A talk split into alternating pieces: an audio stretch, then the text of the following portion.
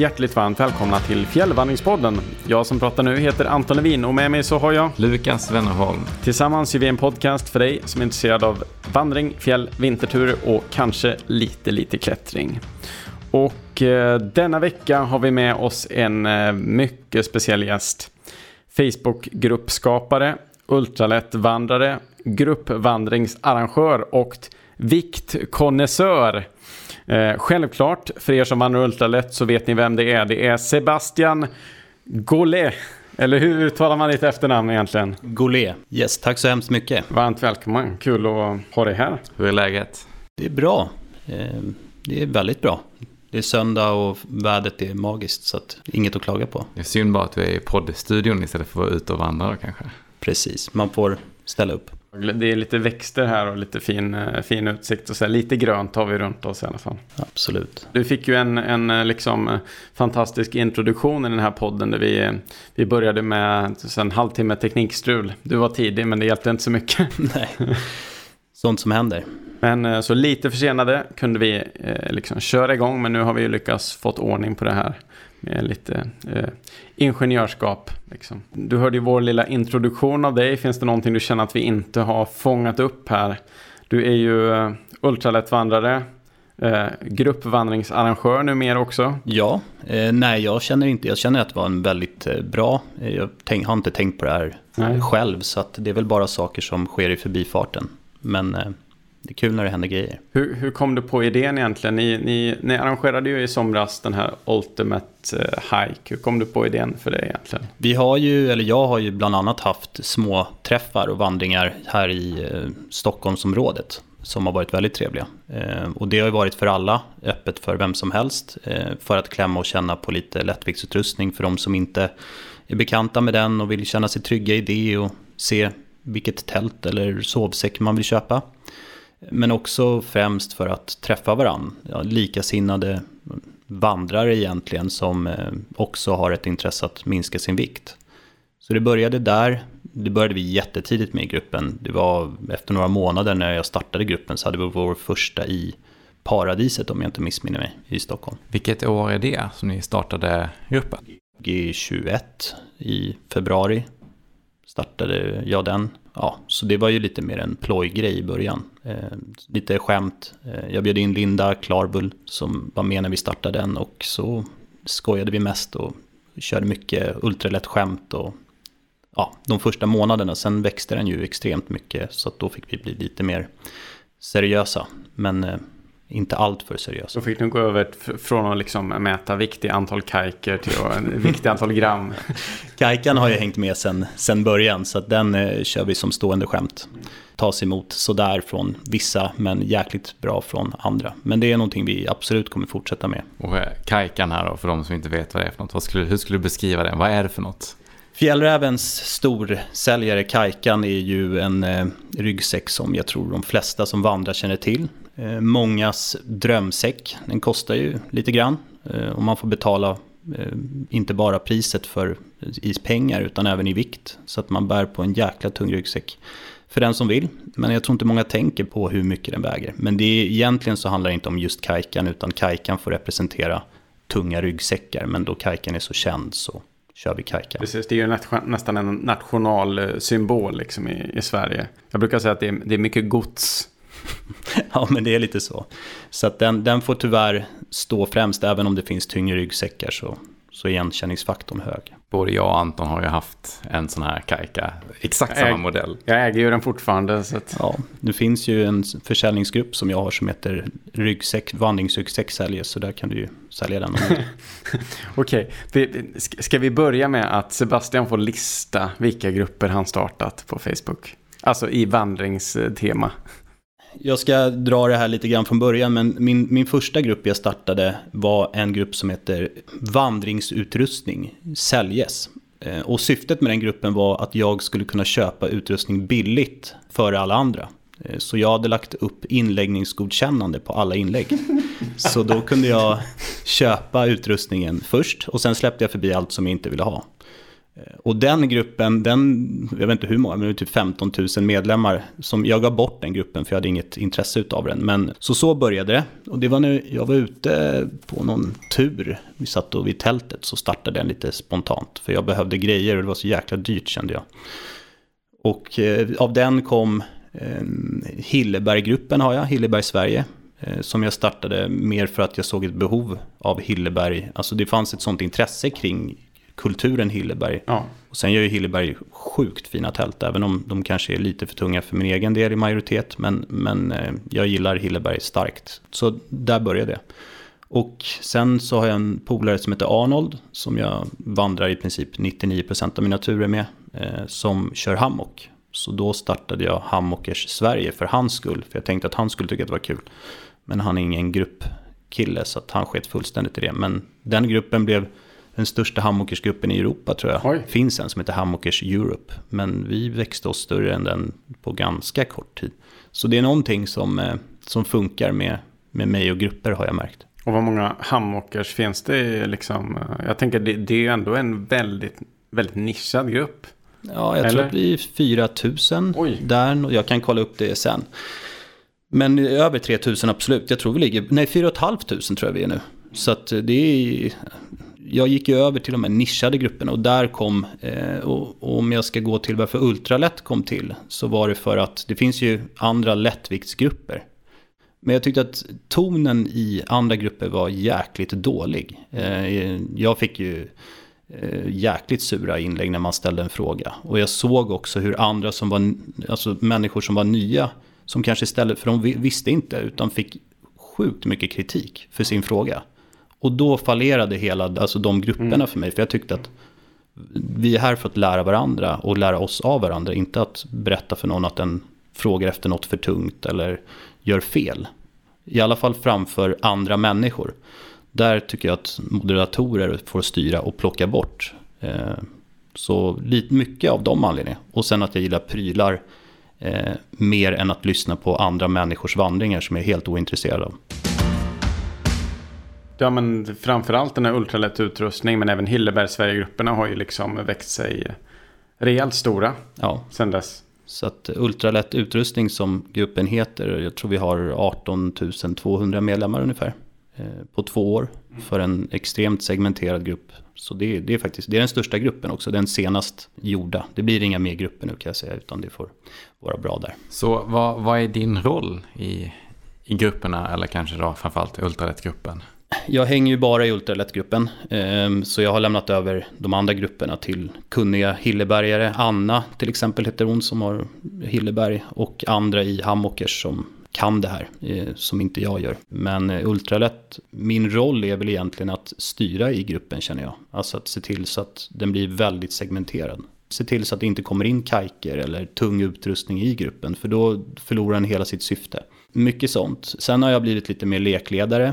Eh, jag gillar ju att skriva mina tankar så att jag sprutar ju ut skit. Men eh, som uppskattas ändå av många. Får mycket faktiskt positiva inlägg om att folk tycker att det är roligt. Så det är väl, det är väl de delarna eh, som jag gör känner jag. Man får väl tänka att allting som eh, gör att folk tillbringar tid i en grupp är väl liksom i grund och botten bra för verksamheten. Så.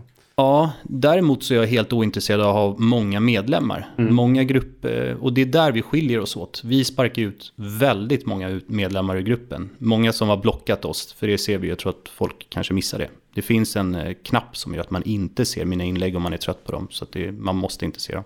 Vi har ingen drivkraft i antalet medlemmar, utan det är ju hur, vilka medlemmar vi är för att skapa den stämningen vi har, för jag tycker den är ganska unik. Gruppen har ju växt nästan lavinartat på sistone. Liksom. Så att på något, något gör ni ju verkligen rätt för att den ska spridas ut och hitta till väldigt många vandrare och vandringsintresserade.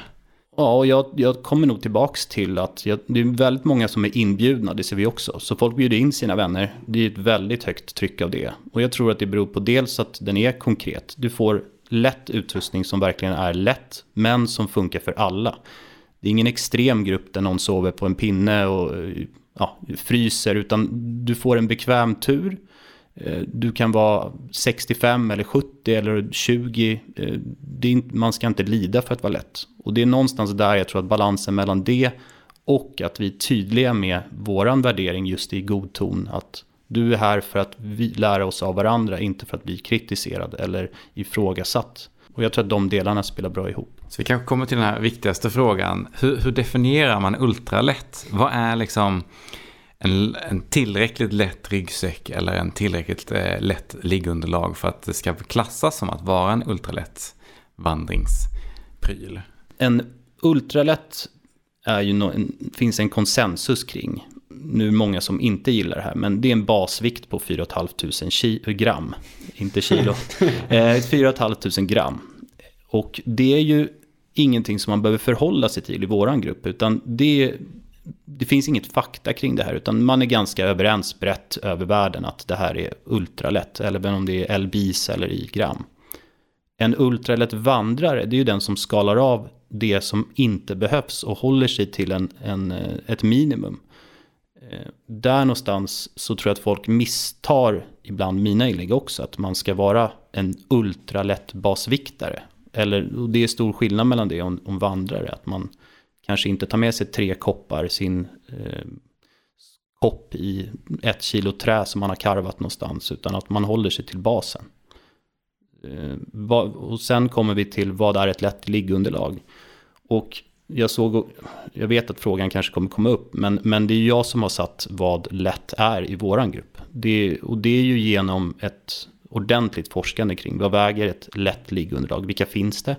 Vad ligger vikterna för vilket R-värde? Vad är en lätt sovsäck? Vilka komfortgränser finns det där? Där har jag tittat på damkomfort och bara tagit det överlag på alla sovsäckar. Eh, och där någonstans hittat en balans som, som implementeras i det hela. Och du har utgått ifrån tre säsongsbruk då va?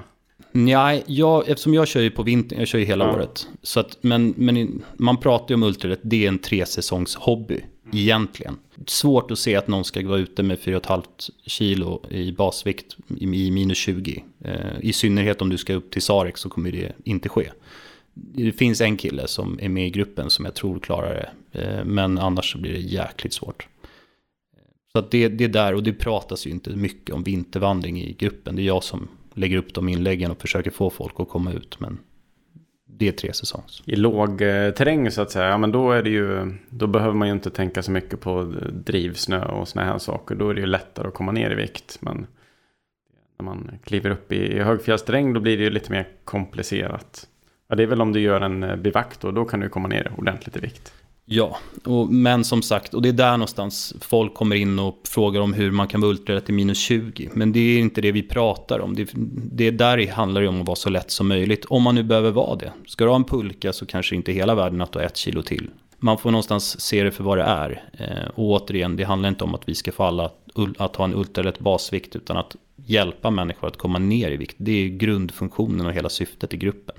När började det intresset för dig? Att, har du alltid haft eh, de, de lite bättre och lättare grejerna eller har det liksom successivt skett? Jag började ju min vandringskarriär sent i livet. Mina föräldrar är inte svenskar.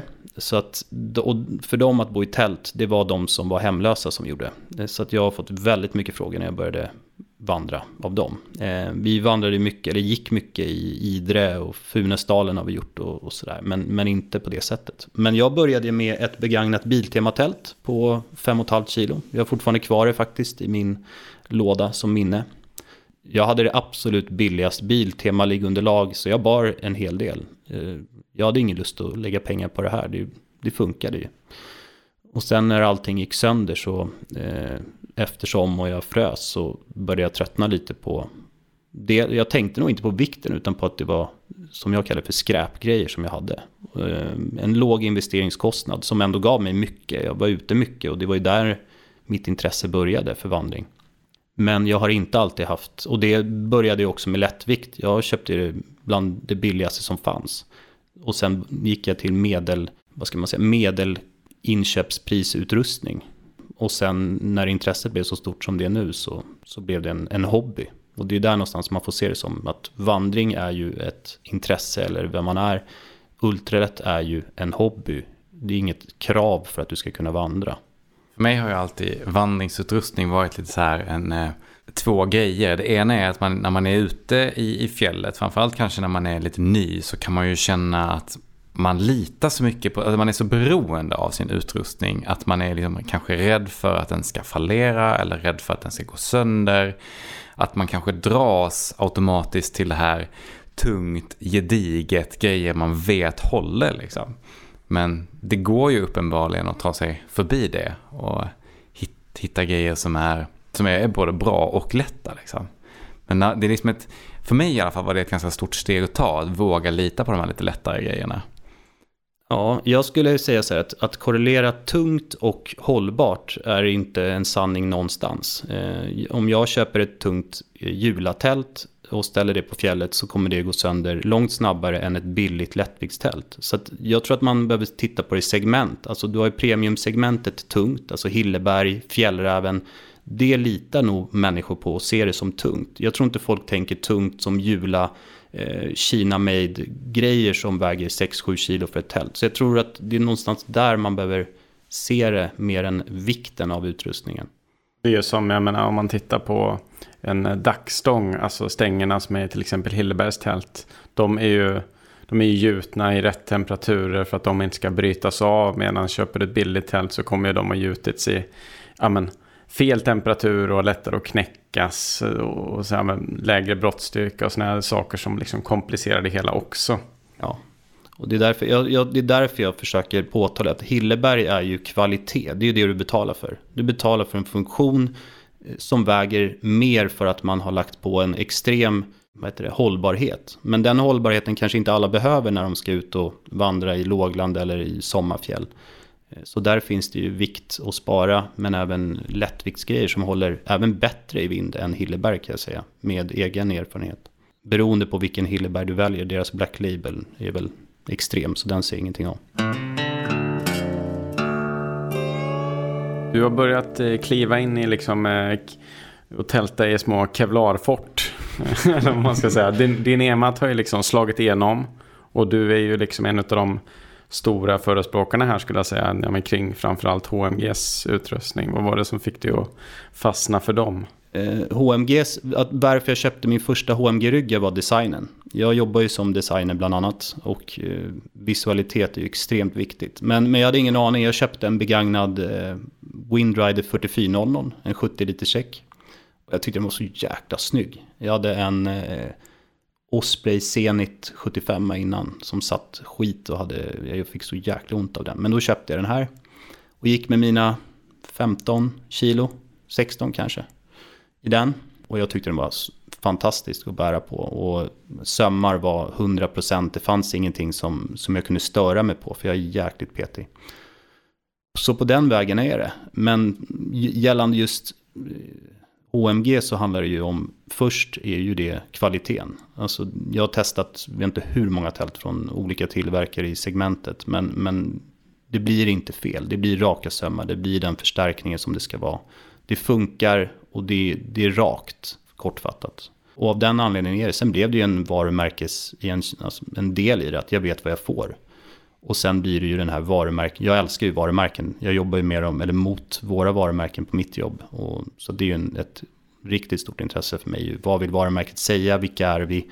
Vem är du som har det här varumärket? Och det gör HMG för mig. Just att jag tycker det är snyggt, det är kvalitet och det funkar och det är aldrig några problem. Så då kan jag lika gärna fortsätta den linjen. Går det att konkurrera med Dynema-produkterna? De som, att, finns det något som är lika bra eller är det liksom oslagbart? Alltså, Ultra kommer ju ta över och har redan börjat ta över ryggsäckar. Tält tittar man ju på. Eh, jag tror att om man, om man lägger fokus på ultrat och gör det lättare, laminerar det med tunnare laminat och försöker, nu är det ganska stor volym, DCF har ju den negativa att det är riktigt stor volym på ett tält kontra nylon eller silpoll eller vad du nu vill.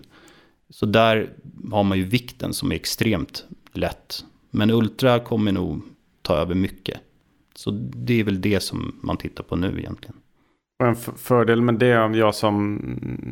Jag vill minnas att är det inte så att det klarar Det är lite bättre på det här med vi, att vikas, eller? Man menar på att det har en större brottstyrka eller rivstyrka med Ultra. Eh, jag, jag kan säga att om du köper, nu kanske inte alla är helt insatt och jag är heller inte insatt i just eh, material. Men eh, om du har en 150 vad heter det, DCH som en hybrid som jag, HMG eh, kör i svart. Då kommer du inte kunna ha sönder den under din livstid i vilket fall. Eh, men om du tänker att dina barn och barnbarn ska arva den här ryggsäcken och du ska använda den med dem, folk är ute en vecka i fjällen eller två. Eh, så ser inte jag det här som en aspekt. Om du inte har tänkt att du ska kunna ha det här som en generationssäck. Men många motiveras av att den på pappret håller. Och jag har gjort inlägg om det också. Jag struntar fullständigt i vad som står på pappret. Utan jag vill ju testa det själv. Däremot kan jag säga att vita säckarna från HMG, deras 100 eller deras 50. Den efter ett tag så märker du ju att den börjar liksom delamineras lite. Den blir mjukare i tyget eller i dyneman. Så att jag har gått ifrån det lite. Det är jävligt snyggt med vit dynema men nyttjar man det så mycket så är det lite blir lite trött efter ett tag. Har du några andra så här, framtidsmaterial man kan hålla utkik efter? Nej, det pratas om Ultra, vad heter det, Durston har ju sitt, vad heter det, Denim eh, till sina tält tror jag det heter.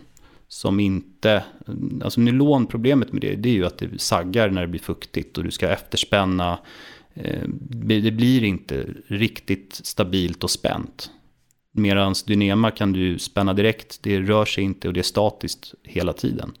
Så att av den anledningen så är ju Dynema det jag tycker om. För jag vill inte sitta och efterspänna och sladdriga dukar i vind och du ska ut när det är liksom halvstorm och, och hålla på med tältet. Så att, men jag, jag kan vara helt ärlig och säga att jag sit, just material är jag ganska ointresserad av. Jag vet att det finns många som sitter och läser och tittar. Men, men jag testar det och när jag gjort det och, och, fått en upplevelse av det, då kan jag börja titta lite mer på det. Du har skrivit lite om billig utrustning senaste tiden. Dels så har du ju ett par vandringsbyxor du väldigt varmt brukar rekommendera som är groteskt billiga. Vill du berätta om de här? Ja, det är ju inget, inget nytt. Det, de kommer, fick jag reda på, från Hör. Eh, och de heter Dobson som jag har blivit rekommenderad sedan länge. Så det här är inte, inte min idé. Den kanske syns mest på grund av algoritmer på Facebook. Men eh, eh de kostar väl 350 kronor med, med rabatten. Och jag ska vara ärlig och säga att jag har nu tre par. Så att eh, det blev ändå en tusing för det här. Men eh, jag älskar dem. Det, jag var ute senast nu i förrgår, eller igår. Jag har dem till klättringen, till mysbyxor hemma och till vandringen. Så att jag kan bara springa ut i mina mysbyxor och vandra. Det är väl ett par vindbyxor som som är lätta, billiga. Jag gillar inte ordet billigt, men de har lågt inköpspris. Mm. Får vi se hur länge de håller och se hur, de, hur billiga de egentligen blir. För samma pris kan man köpa ett par tunga liksom, kamobyxor eller friluftsbyxor på Jula. Ja. Eller så kan man köpa de här som är lätta. Och jäkligt bekväma, ska tilläggas. Så att, eh, men som sagt, jag vet inte hur många år de har funnits, så det här är inga nyheter alls, utan det är mer en nyhet för mig. Men du, du publicerade ju en, en liten lista på lite lätt utrustning till ett lågt inköpspris. Tack. Uh, har du den framför dig kan jag börja med att... Nej, jag har den i huvudet tror ja, jag mer. Ja. Uh, sen har ju den utvecklats. Så att, men jag, det finns ju mycket utrustning som har ett lågt inköpspris. Det svåra är ju någonstans att säga att den, vilka den passar. Men Lanchan-tälten har ju varit jättestora i många år. Jag vet inte om alla känner igen dem, men man får ett, ett lätt tält, med, det är ett stavtält, för runt 2000 kronor i nypris. Och det, det har ju ett lågt inköpspris, men det kräver också att du moddar och bygger om det lite så att det ska, om du nu ska prata fjäll och, och eftersom det här heter Fjällvandringspodden så tänker mm. jag. Jag hade inte tagit med mig ett Lanchan till fjällen. Det är bara jag, jag vet att folk gör det. Så det jag? Blir, ja, eh, men eh, jag vänder mig mycket till de nya, mm. Eh, inte till de erfarna. Så jag Nej. skulle säga att vet du var du ska ligga och kan modda det lite och sådär så är det inga problem. Men det är ju, har ett lågt inköpspris.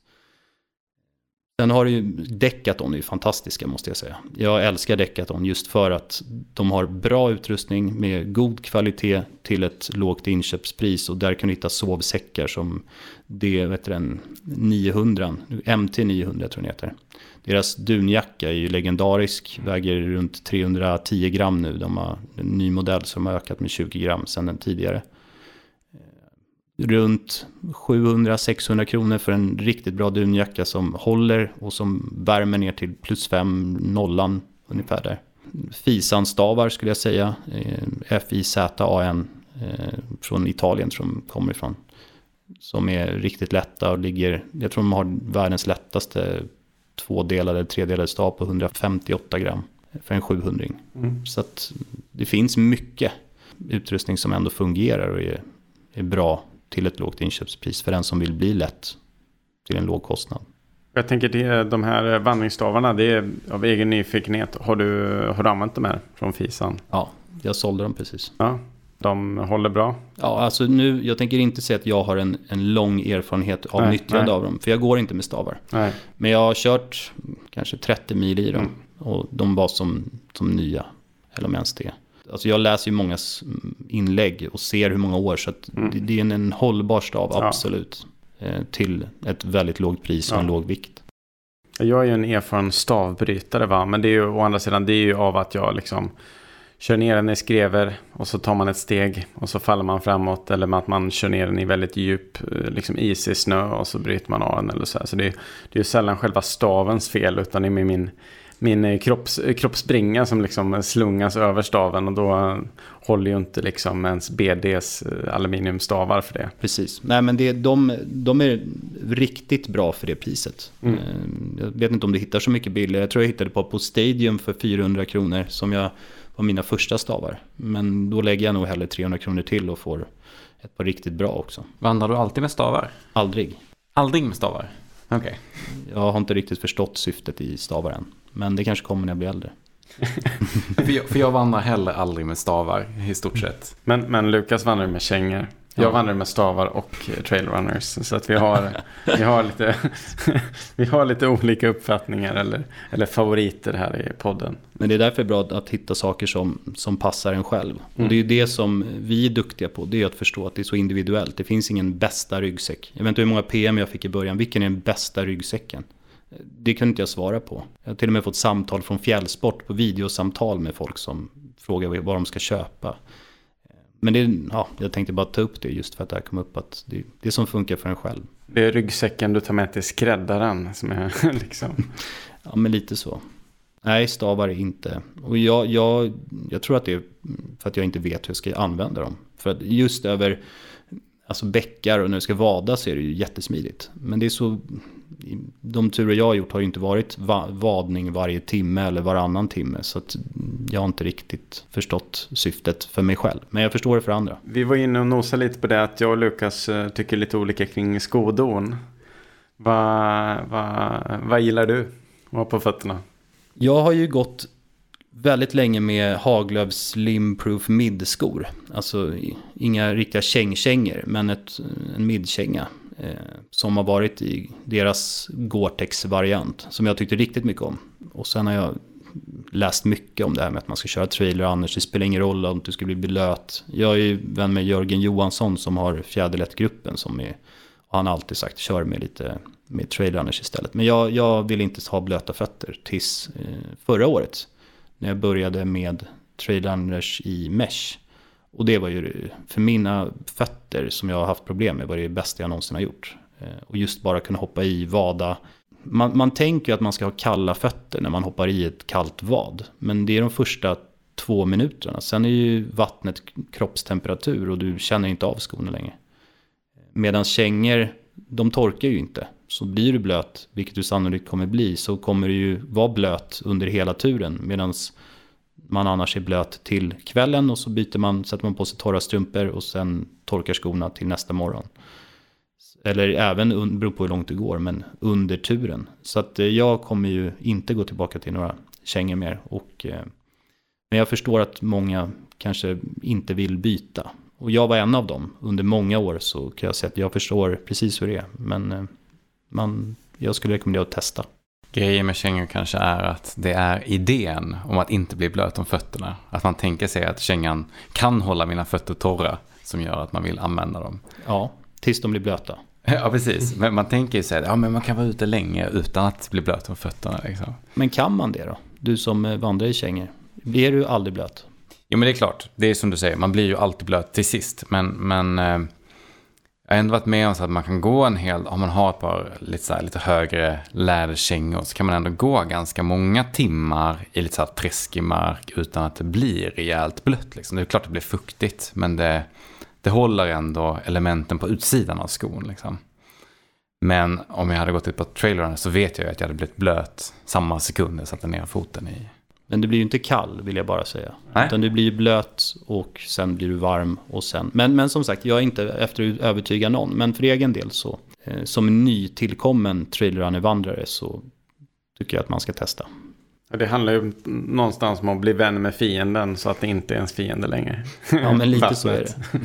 Men det handlar ju om, alltså, vi har alla, jag tror att det handlar om rädsla lite grann. Alltså allt vi gör och även tung vikt i mångt och mycket handlar ju om vad man är rädd för. Man är rädd för att inte ha tillräckligt med batteri på telefonen, då tar man med sig fem powerbanks. Man är rädd för att någonting ska gå sönder, då tar man med sig en extra grej. Eh, och någonstans däremellan så hamnar man i eh, en vikt som är mycket baserad på den rädsla man har. Eh, Och det kan det är samma med kängorna, man är lite rädd för att bli blöt, för det vill man inte bli. Men är då problemet att bli blöt eller är det värre att man är rädd för att bli blöt? Väldigt relevant fråga.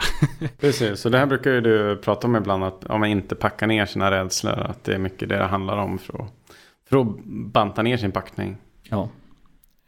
Och jag kan säga, min, min största rädsla har ju varit eh, kyla, att frysa. Jag har hemokromatos som jag fick eh, veta att jag hade för fem år sedan. För jag har alltid gått runt med vita fingrar och frysit något extremt. Och även fötter. Så att, men det börjar bli bättre och jag, eh, jag testar ju mycket utrustning till bristningsgränsen. Därför har jag alltid med mig termometer ut och testar sovsäckar i just fyra grader eller tre där de ska hålla.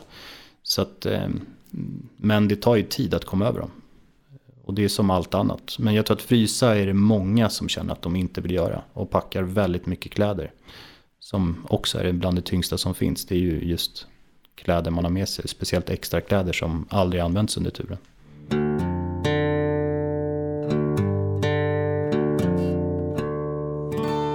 Men om man tänker, eh, vi ska inte packa våra rädslor. Men ibland så vill man ju ha med någon, eh, någon eh, liten lyxpryl.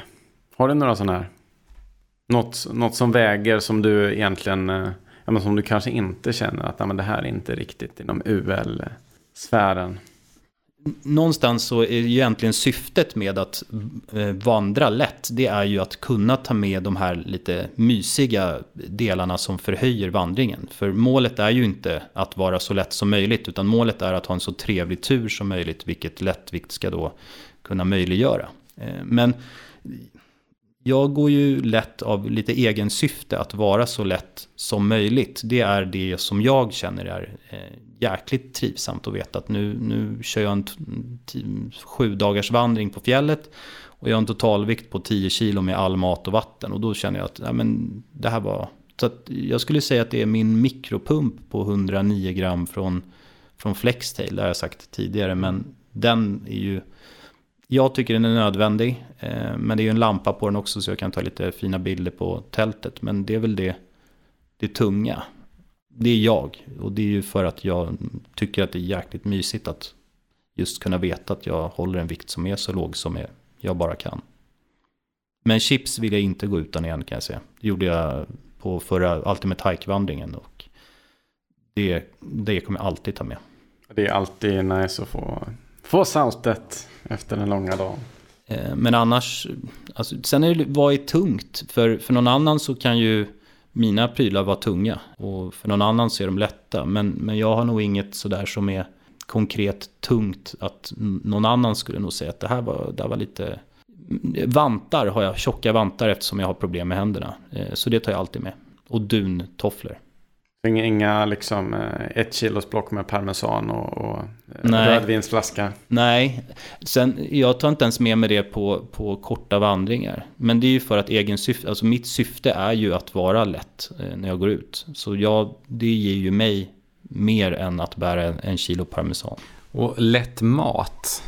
Finns det något bra sätt liksom att få den maten att bli lite lättare? För den kan ju lätt ta upp en stor del av vikten i packningen beroende på hur långt man går. Man kommer inte undan, alltså frystorkat är ju det som, som funkar. Eh, jag kan tipsa om att packa om, det, folk kommer bli griniga på det också för man tycker att män eh, använder för mycket plast. Men jag packar ju om min, min mat i sippåsar.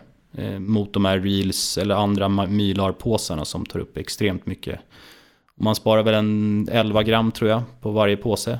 Som låter ingenting för folk. Men har du, ska du vara ute två veckor och du ska äta tre mål mat om dagen så kan du ju räkna på det. Plus att du behöver, kan ha en mycket mindre ryggsäck. Men jag, couscous. Jag har en polare som, han äter ju bara couscous när han är ute för att vara superlätt. Han har halva min vikt. Eh, jag minns när vi var ute senast, då var det en som frågade honom, är det gott? Och då fick du svar, det är mat. Mm. eh, eh, och där är inte jag, utan jag vill ändå ha det gott. Eller ja, om man tycker att Reeds turmat är god. Men, men Mm. frystorkat är väl det lättaste jag kommer med en bibehållen smak och lite njutning när jag ska äta. Vi har ju i den här podden pratat ganska mycket om tidigare att eh, torka sin egen mat. Är det någonting du gör? Nej. Nej. Jag har testat i min eh, fina airfryer som har en torkfunktion. Och jag gjorde beef jerky eh, med lövbiff. Problemet var ju den att när den var klar så åt jag ju upp den. Det tog, det tog åtta timmar att göra den här i, eh, jag kommer inte ihåg hur många grader. Eh, så att, nej jag är ingen sån där, jag fixar det jag måste fixa på tälten och liksom modda dem och fixa lite grann. Men jag, jag vill ju ha en färdig lösning. Och jag har annat som jag tycker är roligare att göra än att eh, torka mat. Så att, nej. Inte ens så att inflationen kan motivera dig. Eh, nej. Eh, kan, ja, nej, men jag, jag har räknat lite på det där faktiskt. Eh, om man tänker på eh, vad, vad det kostar att införskaffa en, en eh, varmluftstork som faktiskt funkar. Jag har testat lite, eller sett eh, de här lite billigare varianterna. Och hur, mycket, hur många timmar du måste torka mat för en veckas vandring. Och all den tid du ska lägga ner. Så skulle jag tjäna på att ta ett jobb på Konsum eh, och sen köpa maten vilken inflation den blir eller hur högt räntorna än går. Men man, någonstans måste man ju värdesätta sin tid också. Eh, Och räknar man bort den så kanske det är värt det. Men då är jag hellre ute och vandra än att torka. Rimligt. Rimligt. Ja, man, man, måste, man måste ju inte tycka allt är roligt. Nej, nej, så är det verkligen. Jag brukar, jag och min sambo Malin, vi brukar torka nästan all mat vi har med oss. Men vi tycker ju det är lite roligt också, så här, laga och planera maten. Så det blir, som du säger, det blir, finns ju ett egenvärde i det. Man kan liksom också välja själv vad maten ska smaka. Liksom. Men du tycker det är roligt. Ja. Och där, där har, skulle jag tycka att det var roligt skulle jag ju köpa den största mattorken som gick att köpa och stått och torkat och myst med det. Men eh, jag gör inte det. Jag har skickat ut matscheman genom UL-gruppen varje vecka. Jaha, det är väldigt lite mat i gruppen. Men det, det är ju för att jag är så fruktansvärt ointresserad. Och då kommer jag ändå från en kockfamilj som har ägt restaurang i många år och ätit fransk hemlagad mat i större delen av mitt liv. Så att, men jag är totalt ointresserad av mat. Men jag ser här en fråga vi har eh, inte, inte ställt än som vi har med faktiskt i vårt lilla dokument här. Det är eh, Ryggåstältet har ju liksom kommit tillbaka. Det här eh, liksom 1900-talets eh, liksom, mest klassiska tältmodell. Som i princip vart som bortblåst några år. Är ju nu på väg tillbaka igen. Hur kommer det sig? Det kommer sig från eh, att vi är så fruktansvärt amerikanskt inspirerade i Sverige. Eh, Och sen just att alltså, ultralätt och Dynema kommer ju från USA. Ryggåstältet försvann ju, vad jag förstår, mycket eftersom att det var inte sådär jättevindtåligt. Och så gick man över mycket till tunneltälten. Och så försvann det för att vi skulle fjällvandra allihopa och man behövde någonting annat. Eh, och så kom Durston med sitt X-Mid. Han är ju väldigt van och duktig vandrare förutom att han är en väldigt trevlig person. Och så blev det ett följe efter honom, vilket jag tycker är kul. Jag pratar med honom ganska mycket på PM. Eh, men det gjorde så att det blev en, någon form av eh, aura, eller man kallar det för sekten efter Durston. På den vandringen vi hade nu så hade alla utom jag och en till tror jag Durston-tält. Även om jag äger ett sånt och har det hemma så var det inget jag tog med till den vandringen. Men eh, det kommer mycket därifrån. Och sen tror jag att det kommer ifrån att jag tror inte folk tänker riktigt. När ska de ha det här tältet? Jag skulle ju, vet jag att jag ska till fjälls och, och jag skulle veta att det ska blåsa eller åtminstone att risken finns över 12-14 sekundmeter så skulle jag inte välja det. Men det är jag, jag säger inte att det är fel att göra det. Men, men jag tror att i lågland så är det ju ett helt optimalt tält. Mycket yta. Eh, nu, nu måste, det, jag tror inte det handlar riktigt om de här ryggåstälten längre. Utan det handlar om just specifikt Durstons X-mid. Det är ju någonstans dit vi har kommit. Och det tältet är ju egentligen genialt för det passar ju den långe som den korte och det är dubbla absider. Det finns både dynema och, och icke-dynema. Så att det är väl lite därför. Har det blivit lättviktarnas tält. Det är synonymt med lättvikt skulle jag säga idag. Spinner vidare på det. Vilket tält tar du med dig på, till fjället? Om jag ska dit med frugan så blir det mitt HMG Ultamid 2. Och eh, är jag själv, nu, jag byter ju tält som många byter strumpor. Så att jag har ju bränt igenom. Men jag har hittat mitt eh, enpersonstält genom HMGs Mid 1 som de släppte nu. Jag hade ett Cipax Plex Solo innan som är jättefint. Men det saknade för mycket komfort och det var för kort för mig. Och det gick inte att stänga dörren med någon dragkedja. Och det, det var väldigt, väldigt mycket kompromisser. Så att nu fick HMG, tycker jag då, till ett ett tält med mycket mindre kompromisser som, som väger lite mer, jag tror det väger 470 gram med innertältet. Men som, som står i vind, som pyramidtält gör. Ehm, så att jag kör pyramidtält rakt av. Finns det några nackdelar med dem? Jag har aldrig provat att använda ett pyramidtält. Det finns nackdelar med alla tält. Ehm, jag skulle säga att om du är en person som har ett Ultamid 2 där du kan ha ett, ett halvt inner. Jag vet inte hur många som förstår ens vad jag säger. Men, men, eh, men ett, om vi tänker så här, ett pyramidtält som har ett innertält som är delat så att halva är pyramiden och halva är absiden. Mm. Det jäkligt optimalt. Men har du ett fullt inre, alltså att hela innertältet täcks upp av ett, ett mesh, eller myggnät och golv. Då innebär det att när du öppnar dörren så kommer det regna in i tältet. Och det är ju någonting som är negativt med, med full pyramidstält. Utöver att duken är ganska brant så är du lite längre så får du den i ansiktet. Jag är ju bara 183 så att jag har inte de här problemen. Men, eh, och sen har du en stång i mitten. Vissa ser det som ett problem. Att man inte får ligga nära sin kära om man har en sån eh, bredvid sig. Eh, andra tycker det är skönt om det är kompisen som ligger där. Det, det, finns inget tält som, som är perfekt. Det finns alltid Eh, negativa delar i det. Eh, det tältet jag har nu, mitt mid 1, det jag inte gillar är att dörren inte går, den, den är klippt så att den inte går ner ända ner till marken. Så där egentligen behöver jag alltid se till så att jag har ryggen på tältet emot vinden. Återigen inte ett jätteproblem eftersom att det är så lite, men jag hade gärna velat ha ett tält som gick hela vägen ner.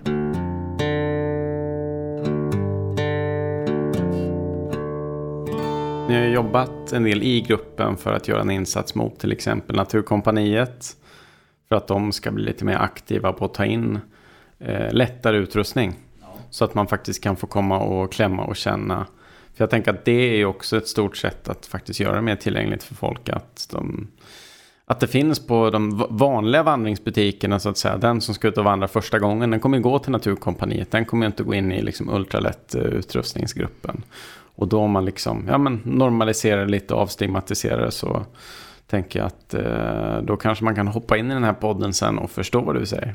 Ja, det kan man säkert. Och vi, just Naturkompaniet är ju, var ju jättestort när de tog in HMGs eller Hyperlight Mountain Gear som de heter, tält och ryggsäckar. Just för att där då vågade man kanske som ny köpa en ryggsäck eftersom att det här stora Naturkompaniet som man litar på eh, släppte den.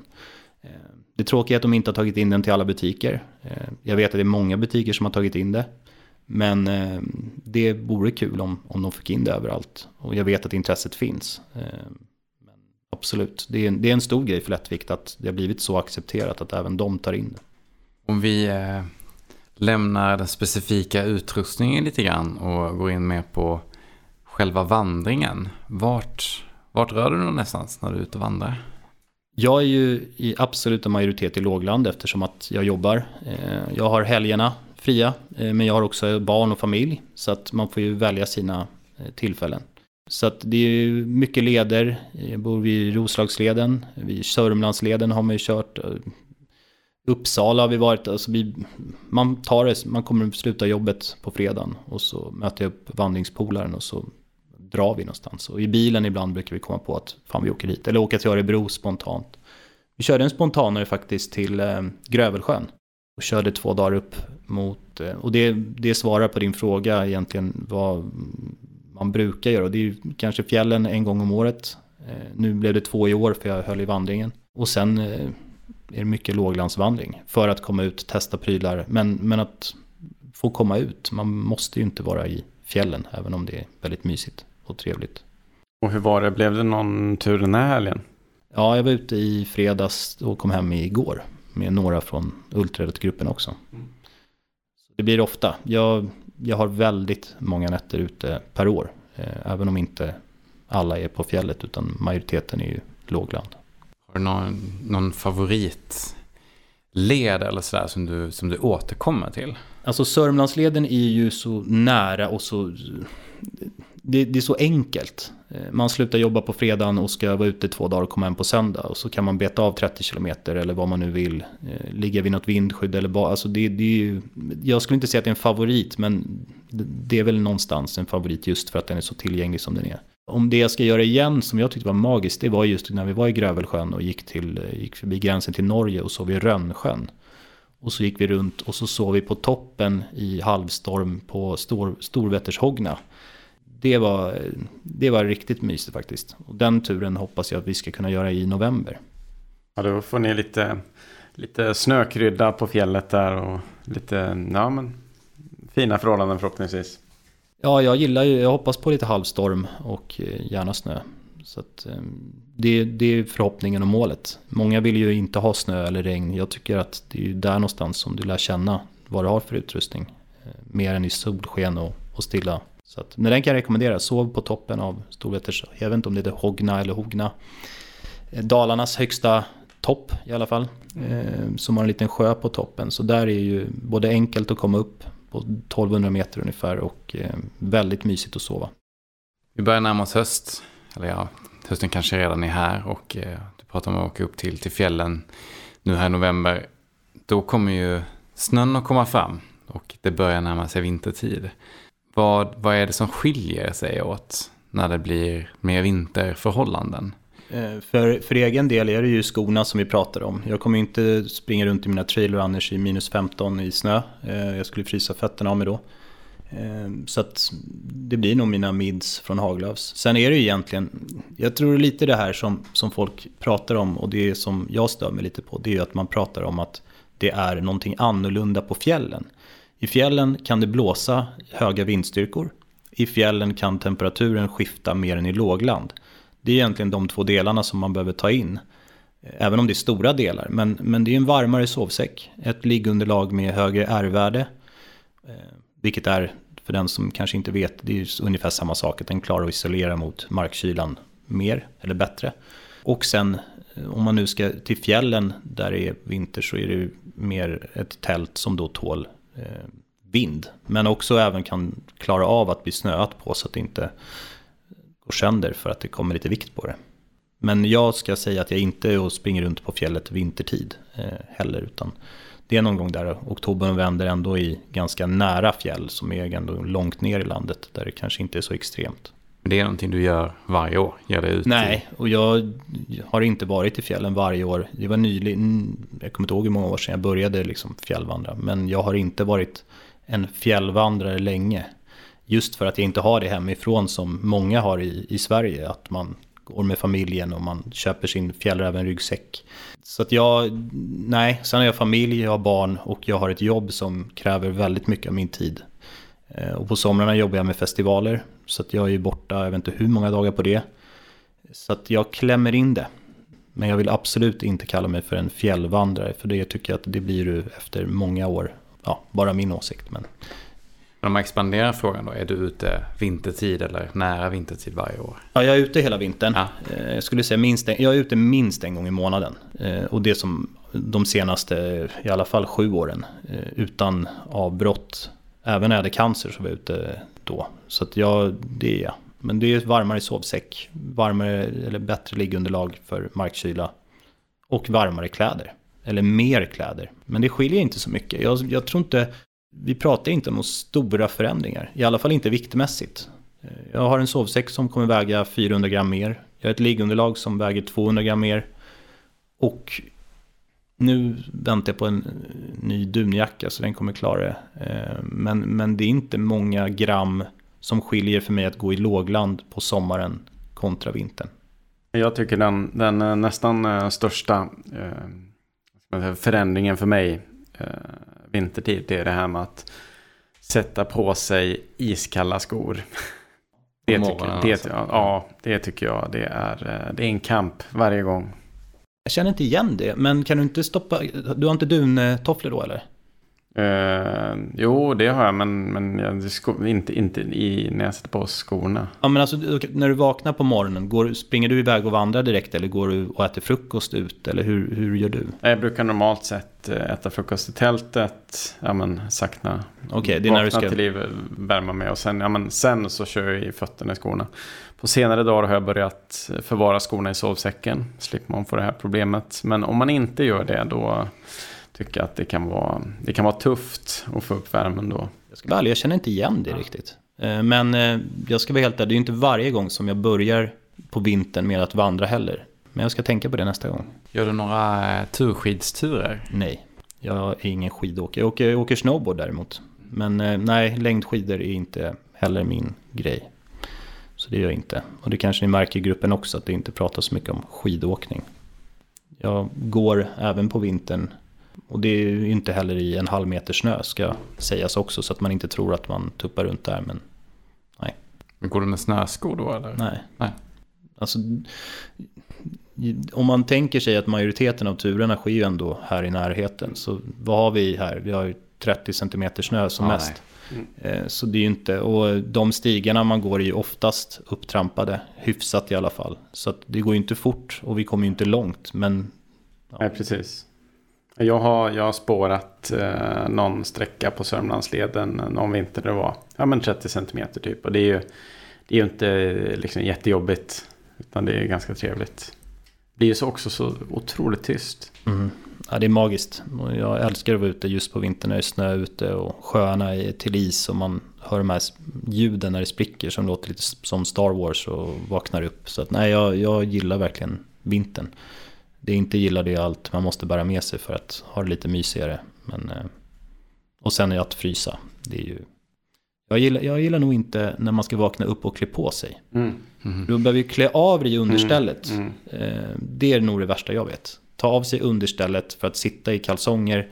För att sen klä på sig vandringsbyxorna och t-shirten och eventuellt jackan då för att börja gå. Det, det är någonting som jag ogillar skarpt. Jag vet inte om alla gör så, men jag kan inte vandra i underställ för jag tycker det är för varmt. Även på vintern. Så det gillar jag inte. Men det är kanske därför jag inte känner igen det där med skorna, för jag är ändå så jäkla kall redan innan jag sätter på mig dem. ja, precis. Har du några tips på, på grejer som är, som är bra att ha? Specifikt på vintern. Som skiljer sig åt från... Ja, det finns eh, någonting, men det, kanske, men det finns någonting som heter hot, hotspots, tror jag de heter. Eh, Apotea bland annat säljer dem. Jag vet inte om man får göra reklam här, men det är inte SVT kanske. Eh, men de, det finns värmepåsar, jag har testat en hel del, som, eh, och de håller i åtta timmar och blir ungefär 55 grader varma. Eh, så de har jag, skulle säga, 90, om jag inte glömmer dem så är jag alltid med med fyra stycken. Och trycker ner två i dojorna eh, och två i vantarna. Och sen när jag kommer till sovsäcken och ska lägga mig så slänger jag ner alla fyra i botten av sovsäcken så att fotboxen värms upp. Så det är någonting som jag kan rekommendera på vintern. Annars är det svårt för att det det är så enskilt vad man vill ha med sig. Men en varmare sovsäck och liggunderlag det kanske är självklart. Det behöver du ha. Men just de där tycker jag, de har jag kört i många, många år. Och jag har inte hittat någon bättre än. Jag har försökt köpa lite billigare för det går ju åt en hel del när man är ute mycket. Men de är de bästa jag har hittat i alla fall. Och du har precis som jag OMM Raid Pants va? Ja, Ja. ja, de, är, ja de är grymma. Det är, Jag tycker också att ha dem i soffan hemma är ganska trevligt. men de är så jäkla varma då, tycker jag ja. inte? Jo men jag är alltid frusen på morgonen. Okej. Jag, jag, det är väl också att jag, jag brukar sänka temperaturen i min lägenhet något. Jag tycker det är så skönt att sova kallt. Nej, fan. Ja, nej. Ja, ja, men då har du ju... Men du tycker om att sova kallt, men du vill ha det varmt när du... Jag vaknar. När du vaknar. Precis, så det är, en- det är en evig konf- intern konflikt liksom. Ja, men nej, men de, är, de har jag också haft länge. Och på vintern, har du podden, fotpodden till dem också eller? Nej, det har jag inte. Den är ju jäkligt smidig om man då vill vara lätt att ha en ganska kall sovsäck och Mm. komplettera med, med de som du ändå har på dig. Nej men de gillar jag. Eh, Jag vet inte om det finns så mycket. Jag gillar ju dun annars. Men eh, de, de, man vill ju inte att de ska bli blöta när man går. Så de där är, har du haft dem länge eller?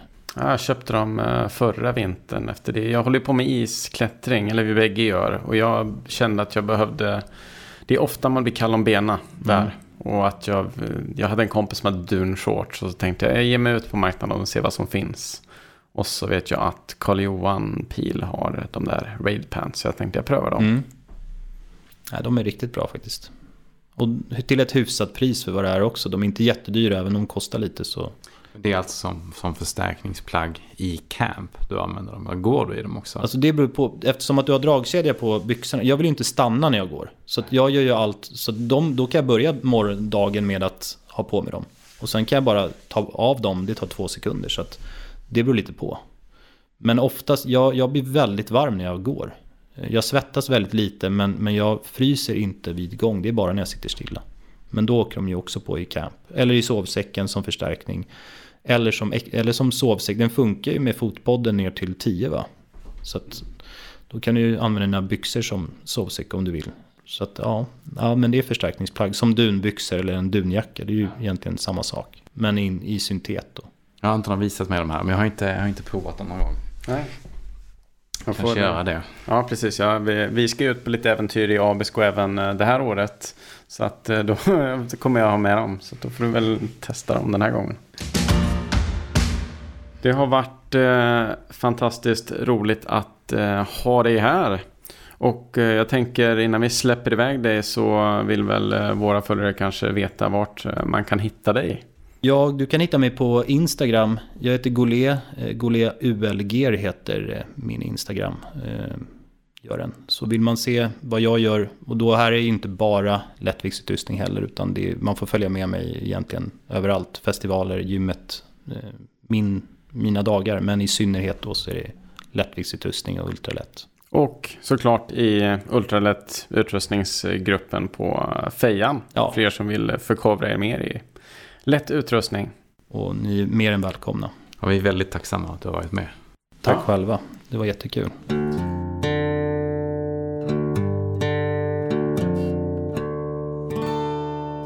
Och med det så börjar veckans avsnitt rulla mot sitt slut. Har ni specifika ämnen ni vill ta, att vi tar upp i framtida avsnitt eller vill ställa frågor till oss så hör av dig till oss på Instagram at fjällvandringspodden.